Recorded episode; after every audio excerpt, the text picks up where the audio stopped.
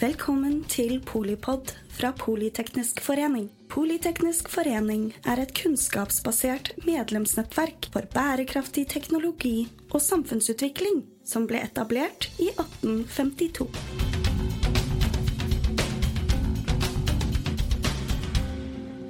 Velkommen til eh, Polipod og episoden om eh, atomsikkerheten i nord er truet. Vi har med oss eh, Thomas Nilsen, som er redaktør i The Barents Observer, og Kjølv Egeland, som er seniorforsker i NORSAR. Dere er to av de som vet mest og følger dette tettest. Jeg må spørre deg først, Kjølv. Er er det at Russland trekker seg fra, atom, fra prøvestansavtalen nå, hva betyr det? Det er et eh, godt og veldig bredt spørsmål, så det er litt av hvert å ta tak i akkurat der. For det første så er det jo sånn da at eh, Russland ikke trekker seg fra hele avtalen. Det de gjør er at de trekker det som litt teknisk heter sitt ratifikasjonsinstrument, eller de annullerer det. Så de vil fortsatt være en signatar. De vil fortsatt uh, ha skrevet under avtalen. Og de vil fortsatt uh, bidra inn i det internasjonale verifikasjonssystemet som er uh, knyttet til prøvestansavtalen, som altså er den avtalen som forbyr atomprøvesprengninger i, i, alle miljøer. Altså, man hadde jo en den såkalte begrensede prøvestansavtalen fra, fra tidlig på 1960-tallet, som forbød atomprøvesprengninger under åpen himmel. Mm. Den uh, fullstendige prøvestansavtalen den kom uh, midt på 90-tallet og forbyr også prøvesprengninger under bakken, nede i jorden, uh, og under vann. Og så finnes det da, som jeg var inne på, et stort nettverk av målestasjoner rundt omkring i eh, verden som inngår i et stort eh, verifikasjonssystem som er satt opp for at man skal kunne eh, lytte etter atomprøvesprengninger. Eh, og det er utrolig viktig både å kunne påvise eh, at en prøvesprengning har skjedd, men det kan også i mange tilfeller være vel så viktig å kunne påvise at en prøvesprengning ikke har skjedd. For uh, mye av poenget med avtalen er jo et, et, poeng er å begrense helse- og miljøproblemer som knytter seg til uh, atomtesting. Men et annet er å måte bremse og til syvende og sist reversere våpenkappløpet. Eh, og da tenker man seg at Hvis man begrenser atommaktenes mulighet til å teste nye våpen, så vil man kunne bidra til nettopp å, å bremse sånne opprustningsdynamikker. Og Sånne opprustningsdynamikker de drives jo ofte frem av uh, i hvert fall noen tilfeller av litt sånn paranoia for at motparten gjør uh, mye og kanskje enda mer enn det som er tilfellet. Uh, så man kan se for seg nå Eh, fremover, eh, når Russland har gjort det de har gjort. Man ser for seg hauker i USA eh, kommer med påstander om at russerne har testet. Noe de igjen vil bruke for å begrunne atomprøvesprengninger i USA. Eller om det hadde vært Kina eller India eller Pakistan eller andre land. Og det, er det som er farlig med det Russland har gjort nå. altså Det i seg selv at de har annullert dette ratifikasjonsinstrumentet, er ikke så veldig dramatisk. Men det er liksom noe som eh, går litt i feil retning. Og hvis man får andre ting som også går i feil retning, da får man sånn at uh, disse snøballene kan begynne å rulle, og at stormaktene begynner å skylde på hverandre og kan begrunne ting de har lyst til å gjøre, som f.eks. å teste eh, et atomvåpen. Så det gjelder nå å følge godt med og være i stand til å ja, både avdekke tester dersom de skulle skje, og også å kunne eh, si noe om, om, det ikke har blitt eh, testet. Er det et politisk eh, spill, eller er det eh, brutale realiteter, Thomas? Det følger en eh, ganske skummel utvikling med retorikken eh, omkring bruk av atomvåpen fra ulike aktører i eh, Russland. Og Det gjenspeiler også at det går dårlig med den konvensjonelle krigføringa i Ukraina. Eh, og til syvende og sist, eh, etter hvert som det går dårlig konvensjonelt for det russiske militæret, så, så vil det atomkortet, altså trusselen om bruk av atomvåpen, eh, vil øke i viktighet sett med russiske propagandaøye med. Det har jo vært et par ganske skumle uttalelser, bl.a. fra pres tidligere president Dmitrij Medvedev, som nå sitter i Sikkerhetsrådet i, i Russland, hvor han tar til orde for, eh, for, bruk av atomvåpen. Også det russiske propagandaapparatet i statlig TV osv. har jo også ropt høyt eh, på at det er på tide å sprenge et reelt atomvåpen for å vise Vesten at, eh, at man mener alvor.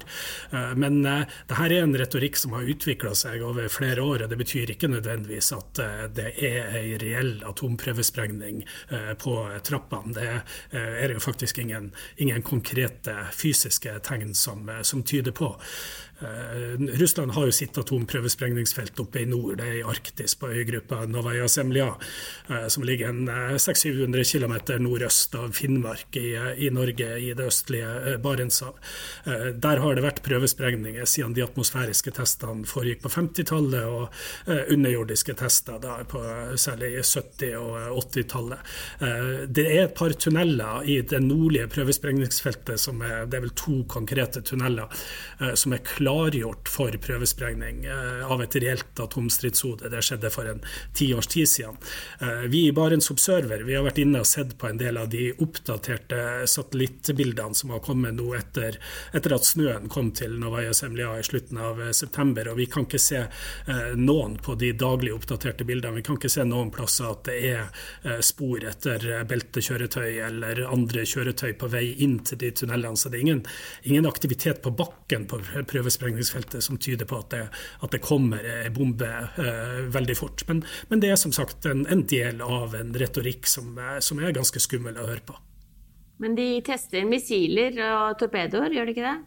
Jo da, det er det nordvestlige Russland med Kvitsjøen, Barentshavet, Karahavet og de arktiske havet er jo Russlands viktigste testområde for eh, veldig mange våpensystemer. Det gjelder eh, krysserraketter med lang rekkevidde som man jo ikke kan teste i Baltikum pga. at det er nært befolka områder og, og, mye skipstrafikk. og eh, Andre naboland og i Svartehavet kan man heller ikke gjøre det. Så, så, det er et veldig viktig område for Russland å teste våpen. Og etter hvert så russiske kryssermissiler, også de som kan føre større atomstridshoder i en gitt situasjon eh, får lengre og lengre rekkevidde, så, så er det eh, nordområdene som er, er det, det, eh, viktige området. Det som, det som jeg er veldig urolig for, det er det vi har sett de siste seks-syv årene, nemlig Russlands vilje til å utvikle nye dommedagsvåpen, altså såkalte tredjeslagsvåpen. Det gjelder atomdrevne kryssermissiler, og det gjelder atomdreven undervannstorpedo. Det heter Poseidon. Den her som kan da gå eh, langt, langt eh, under vann med en liten reaktor som driver fram eh, torpedoen.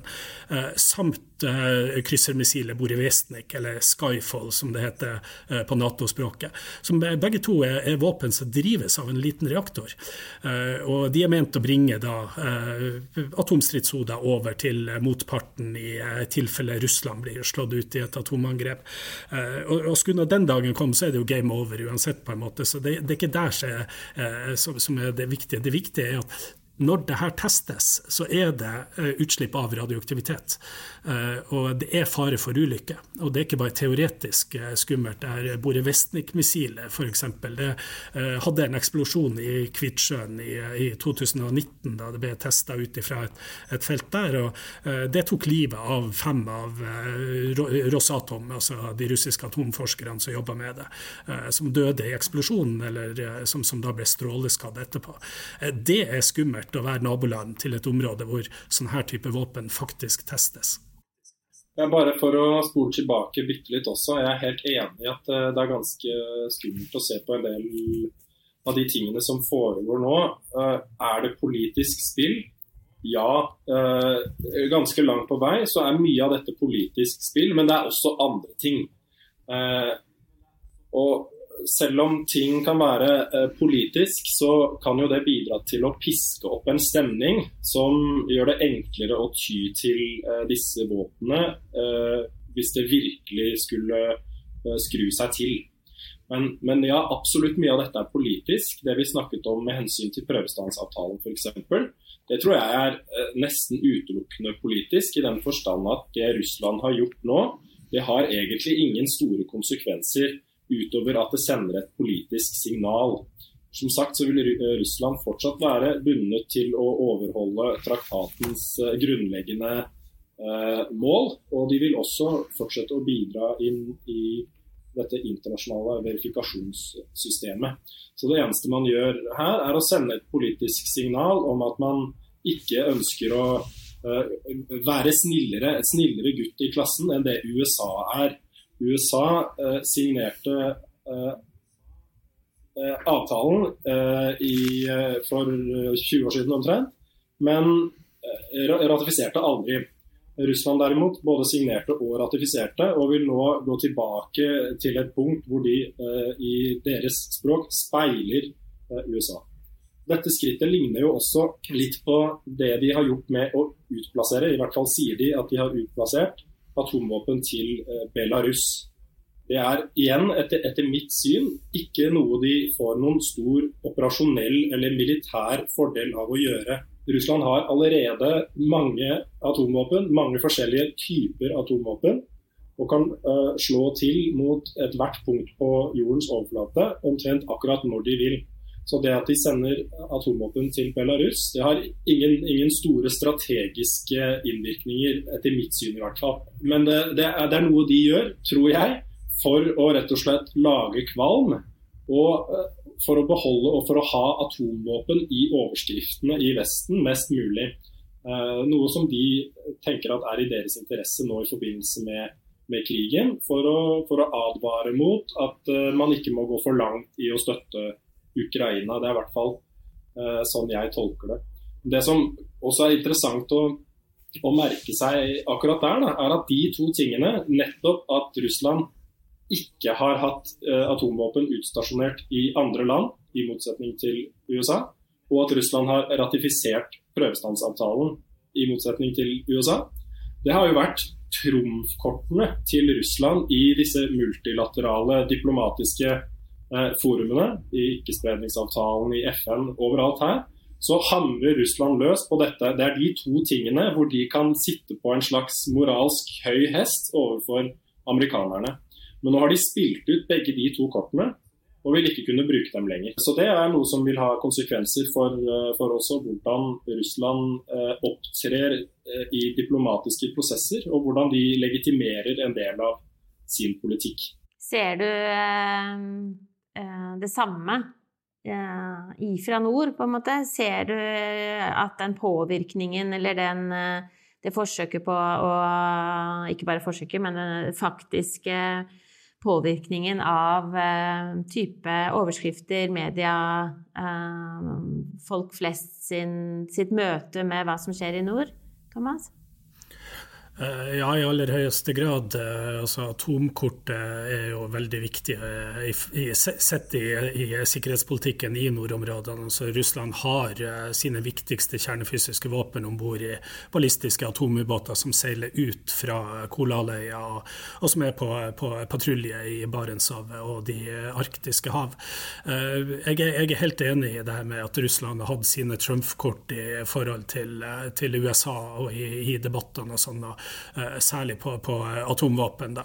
Eh, og et annet viktig poeng sett fra Moskva, det russiske nord, eh, sin, sine øyne, er jo at de, de, kan jo også si at Russland sjøl aldri har detonert ei prøvesprengning, altså et kjernevåpen. Den, den siste reelle atomprøvesprengninga skjedde, det var ei dobbeltsprengning 24.10.1990, så det var altså Sovjetunionen som, som, gjennomførte det, og det har ikke vært gjennomført prøvesprengning prøvesprengninger i, et, etter at Russland erklærte selvstendighet i, i slutten av 1991.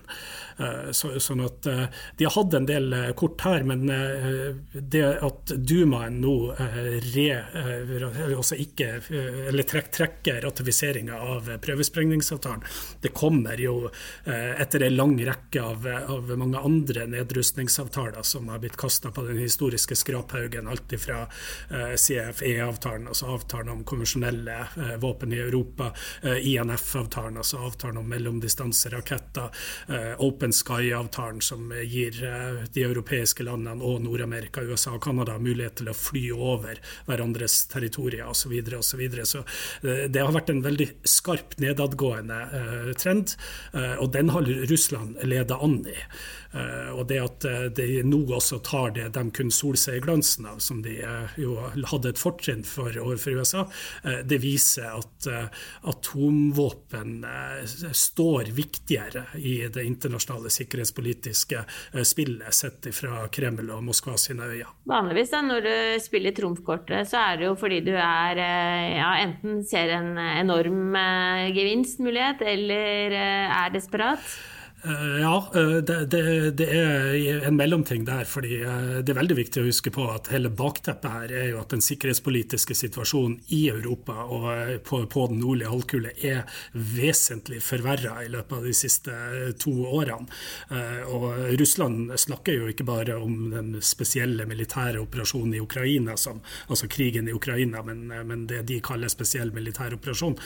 Det snakkes jo rett ut om en konflikt med det kollektive vest. og det, det, er ikke bare USA, det gjelder jo også da Nato, inkludert eh, Norge. og Norge har jo blitt eh, degradert eller oppgradert, alt etter som man sier det, eh, ser det, ifra å være en ikke-vennligsinna stat sett med russiske øyne, eh, til å bli en svært lite eh, vennligsinna stat. sånn at eh, spenninga i det internasjonale politiske bildet, den merker vi også veldig godt i nord. vi i Barentsomsøvet vi, vi holder jo til i Kirkenes, som er et par kilometer fra grensa til, til Russland, og ca. 62 km fra det nærmeste lageret eh, for eh, atomvåpen til eh, den russiske Nordflåten. Så, så her er i aller høyeste grad alvorlig, også sett for oss som, som bor helt nord i Norge. Du skriver på engelsk og russisk? Ja, For Barents Observer er det veldig viktig, som den eneste norske avisa som publiserer på russisk språk, at vi formidler informasjon inn til russiske lesere. Og jeg tror jo også det er viktig å huske på at veldig mye av den propagandaen som nå kommer omkring atomvåpen, den er vel så mye retta mot Russlands egen befolkning. Å vise at Russland er sterk, og vise at Russland ikke gir etter, og vise at Russland ikke gir etter overfor USA, som jo ikke hadde ratifisert avtalen. Eh, så den innenrikspropagandaen i det russiske sensursystemet er det veldig viktig for oss eh, som et fritt og uavhengig medium å, eh, å stå opp mot og, og, fortelle rent faktisk hva det er som da faktisk skjer. Og det som faktisk skjer, Kjølv, i forhold til verifikasjon og overvåking av eventuelle sprengninger, da? Hvordan skjer det i praksis? Nå, liksom både akkurat nå, og, og, hva ser man for seg i, i det verifikasjonssystemet med, med, Russland, eh, som det høres ut som du sier, på lik linje med USA igjen?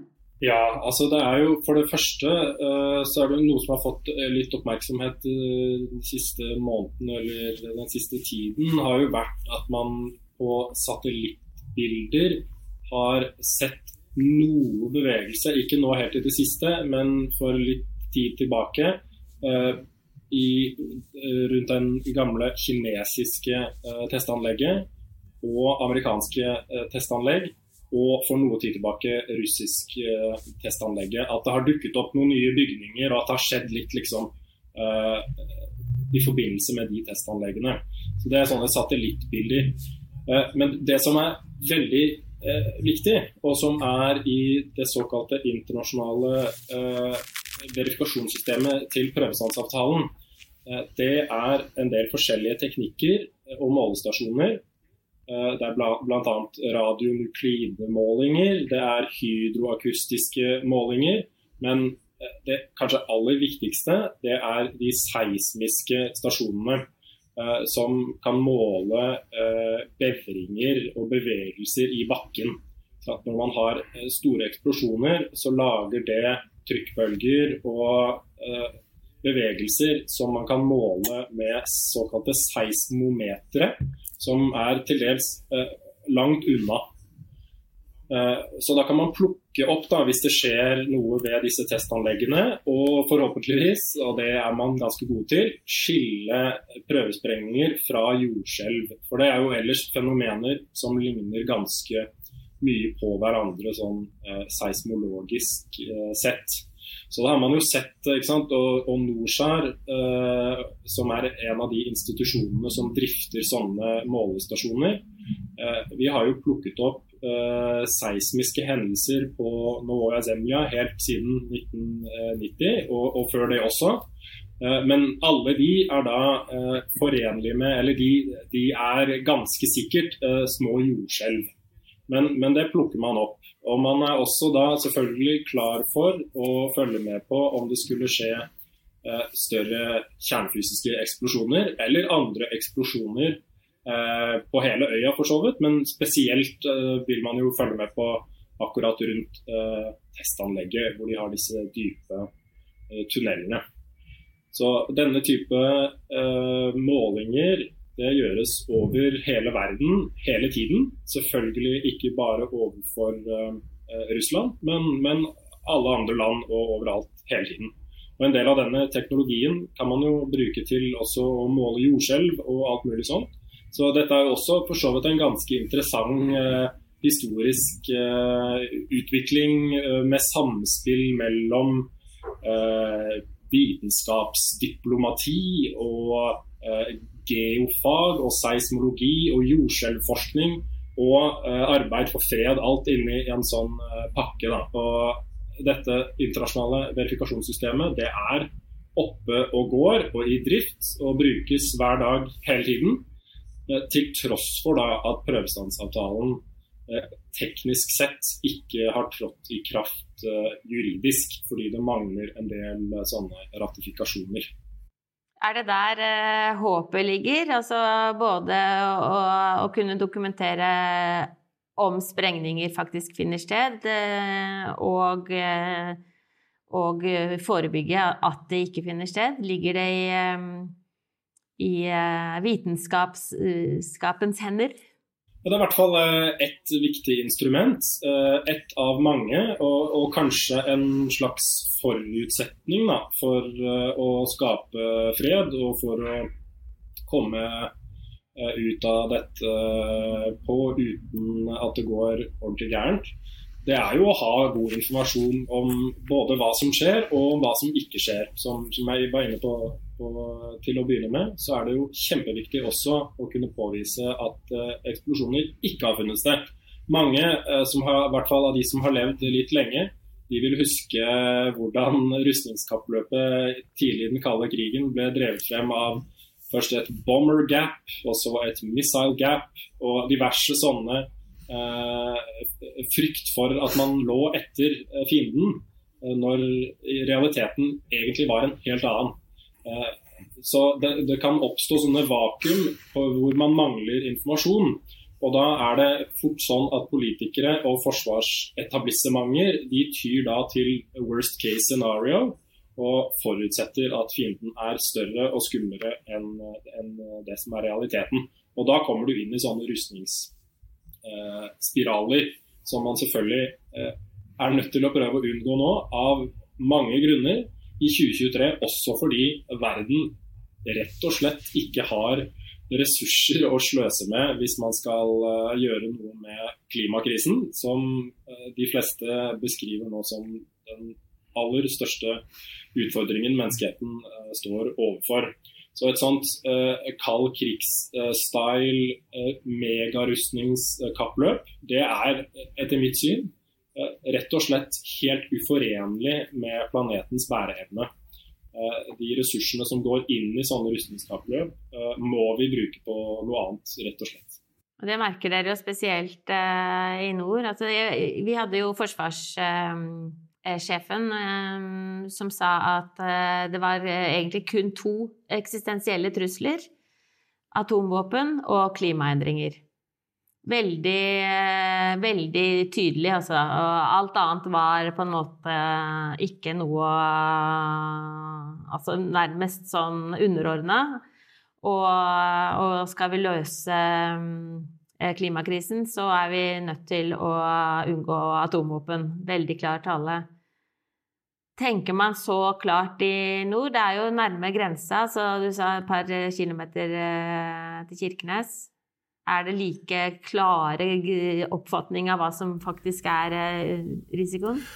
Eh, helt åpenbart at uh, forsvarssjef Erik Kristoffersen har helt rett. Uh, det som nå skjer i verden med krigen i Ukraina og krigen i Midtøsten og økte konflikter andre steder, det tar fokus bort fra det som burde være menneskehetens aller viktigste oppgave, nemlig å løse klimakrisa. Jo lengre nord på kloden du kommer, jo mer ser man jo konsekvensene av klimakrisen i form av økte temperaturer, smelting av havis Eh, isbreer osv. Eh, Novaja Zemlja, som er eh, Russlands hovedprøvesprengningsfelt i, i nord, er jo i stor grad dekt av isbreer. Selv om det er lite forskningsresultater å få ut av et ganske lukka Russland for tida, så, så, leser vi jo med stor uro de rapportene som kommer ifra isbreene nord på Novaja Zemlja, som nå er i ferd med å smelte, og hvor det kommer ut ganske mye av den radioaktiviteten som ble absorbert i den tida da Sovjetunionen drev med atmosfære atmosfæriske prøvesprengninger i området, radioaktivitet som datt ned i nærområdet og ble frosset inn i isen. Nå smelter det bort. Eh, det er også viktig å huske på at eh, fjellkjedene rundt Matotsjinstredet, som er det nordlige prøvesprengningsfeltet som, som, eventuelt eh, vil bli brukt av Russland, det er i stor grad permafrost. Og her er det ca. 80 prøvesprengninger som er sprengt inn i permafrosten. og Etter hvert som permafrosten smelter, så er det jo også fare for at radioaktiviteten da fra de områdene hvor det har vært sprekker i permafrosten og fjellene rundt tidligere underjordiske sprengning, at det også eh, kan, eh, kan lekke ut. Så, så, eh, her er det litt sånn alt henger sammen med alt, som Gro Harlem Brundtland en gang i tida sa. Men jeg har også lyst til å, å ta opp et annet veldig viktig tema her. Altså, ja, vi har masse gode verifikasjonsmetoder for å avdekke at om Russland bryter prøvesprengningsavtalen, eller om andre land bryter prøvesprengningsavtalen. Men her er det jo viktig å huske på at dette er et politisk spill. Altså, jeg tror ikke Russland i all hemmelighet ønsker å foreta en underjordisk prøvesprengning. De, de, har teknologien, det har ingen eh, store vitenskapelige grunner til å foreta en reell atomprøvesprengning. Så skulle det, gud forby, den dagen skje at de faktisk sprenger, så eh, tror jeg at Russland vil fortelle det. De vil gjøre det til et politisk poeng i seg sjøl, fordi at det er et så klart signal overfor Nato og overfor USA. Eh, så vi skal ikke se bort ifra at de til og med kommer til å vise videofilmer av at eh, en sånn eventuell prøvesprengning kommer til å skje. Det kommer til å være ei Eh, politisk sprengning, og ikke en eh, vitenskapelig som foregår i all eh, hemmelighet. Det, det som foregår i hemmelighet, det er jo de såkalte subkritiske eller altså atomtestene, hvor man bruker et lite, lite fragment, et par gram, av f.eks. plutonium eller uran, og detonerer det i lag med konvensjonelt sprengstoff. Og det har man også en tunnel på Novaya Semlea som man, som man driver foretar de her testene i. Og der foregår det en del eh, vitenskapelig arbeid på, på, akkurat samme måte som USA eh, foretar subkritiske atomtester i, eh, i Nevada-ørkenen på det, det gamle prøvesprengningsfeltet der. Det er, utrolig gode poenger, og det er jo nettopp det man har sett også etter at prøvestansavtalen kom på plass.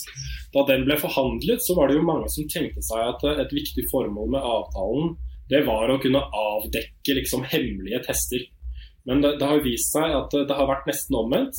Så uh, i 1998, da både India og Pakistan gjorde noen få tester hver, så viste det seg jo at ikke bare skrøt de på seg flere tester enn de faktisk hadde gjennomført, uh, de la også på og sa at de var større enn det de faktisk var. Så prøvestansavtalen er kanskje vel så viktig, som jeg har vært inne på, i det å kunne uh, vise at tester ikke har funnet sted, eller kanskje vært færre eller mindre enn det disse statene skryter på seg.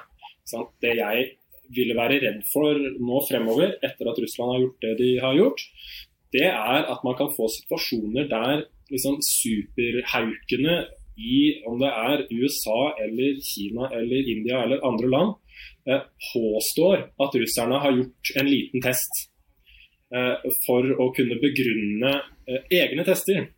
Det må vi eh, kunne prøve å unngå. Og vi må kunne være i stand til å vise at sånne tester faktisk ikke finner sted, dersom de ikke gjør det. Hva skal jeg og lytterne um, tenke på da, for å holde hodet kaldt og verken la oss lure av uh, falske nyheter eller frykten for dommedag? Verdenssituasjonen er såpass alvorlig som den allerede er, så det er ingen grunn for uh, forskere eller media, uh, oss i media, til å overdrive situasjonen. og Det legger vi i Barents Observer veldig veldig vekt på. Uh, og Det er derfor vi, når det begynner å bli rykter i internasjonale medier, det var jo både på CNN og i New York Times i forhold til aktiviteten på det nordlige prøvesprengningsfeltet på Novaja Semlja, kombinert med at Russland trekker, seg, trekker ratifiseringa av avtalen. Det er derfor det er så viktig for oss å faktisk gå inn og se hva er det som skjer på bakken. Eh, og Der har jo nå eh, media tilgang på daglig oppdaterte satellittbilder, eh, så fremst det er, ikke er overskya, hvor vi kan, da kan se om skjer det faktisk noe på, på bakken. Eh, vi husker eh, i dagene etter at eh, den fullskala invasjonen av Ukraina skjedde i 24.2.2022, så var det ganske mange i Russland som sier at nå hever man også atomberedskapen. Altså at man er mer klar til å sette atomubåter, silobaserte missiler, strategiske bombefly osv. i høyere beredskap. Men da kunne vi altså som journalister gå inn og si at nei, det stemte ikke. Det var eh, to ubåter som var ute og seilte ut fra basen deres i, i Murmansk, nært Murmansk. Eh, og alle de andre strategiske atomubåtene de lå fortsatt til kai. Så, så eh, det er hele tida viktig å se hva er det Russland gjør, og ikke bare hva de sier. Fordi at Hvis vi skal tro dem på det de sier, ja, da er verden på kanten av en ganske stor konflikt. Men heldigvis så finnes det også fornuftige tanker tanker innad i det russiske forsvaret, eh, selv om det ikke nødvendigvis eh, til enhver tid synes å være kloke hoder i det russiske parlamentet og i russisk statsstyrt propagandamaskineri. Nettopp. Så steg én det er å lese Barents Observer. Og så er steg to det må være å eh, tenke kloke tanker bygge gode institusjoner. Selv om ting ser ve veldig mørkt ut nå, og er veldig mørke, så må vi i hvert fall kunne ha et håp om at eh, vi kan få noen mulighetsrom til å skape mer trygghet og sikkerhet både i nordområdene og verden for øvrig i fremtiden. At vi åpner seg mulighetsrom. Og når de mulighetsrommene eventuelt eh, åpner seg opp, da må vi være klare som verdenssamfunn til å få maks ut av dem. Da må vi ha strategiene, tankene, institusjonene, verifikasjonsordningene. Eh, alt dette på plass, sånn at man kan eh, få, få, få maks ut av dette. Jeg tror at da den kalde krigen sluttet rundt 1990, så kunne man ha fått enda mer ut av det enn, vi gjorde når vi ser tilbake på det nå. Men neste gang så må vi være parat Eh, i enda større grad. Og Her er det jo også viktig å huske at eh, på slutten av den kalde krigen, det virkelig det første store initiativet til nedrustning, det skjedde nettopp i nord.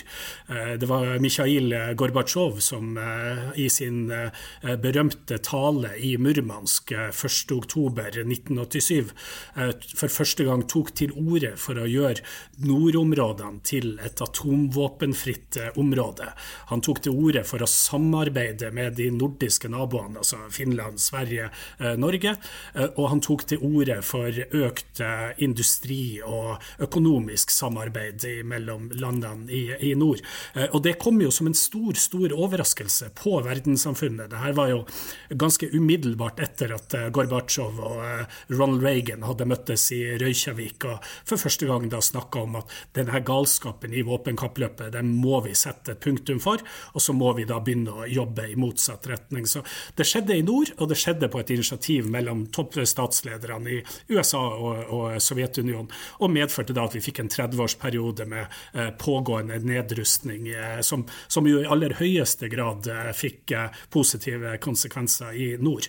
Eh, det kan skje fort. I dag ser ting veldig, veldig mørkt ut under eh, det sittende regimet i, i Russland, men vi kan jo aldri miste håpet. Vi må jo tro at noen av de 140 millioner innbyggerne i Russland en dag ser fornuften og skifter ut dagens diktatoriske lederskap.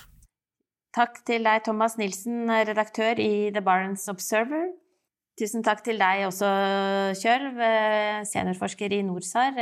Takk for at dere jobber for å både overvåke hva som skjer og ikke skjer, men også jobber nærmest undercover med vitenskapsdiplomatiet. Takk til deg som hører, til, hører på Polipod.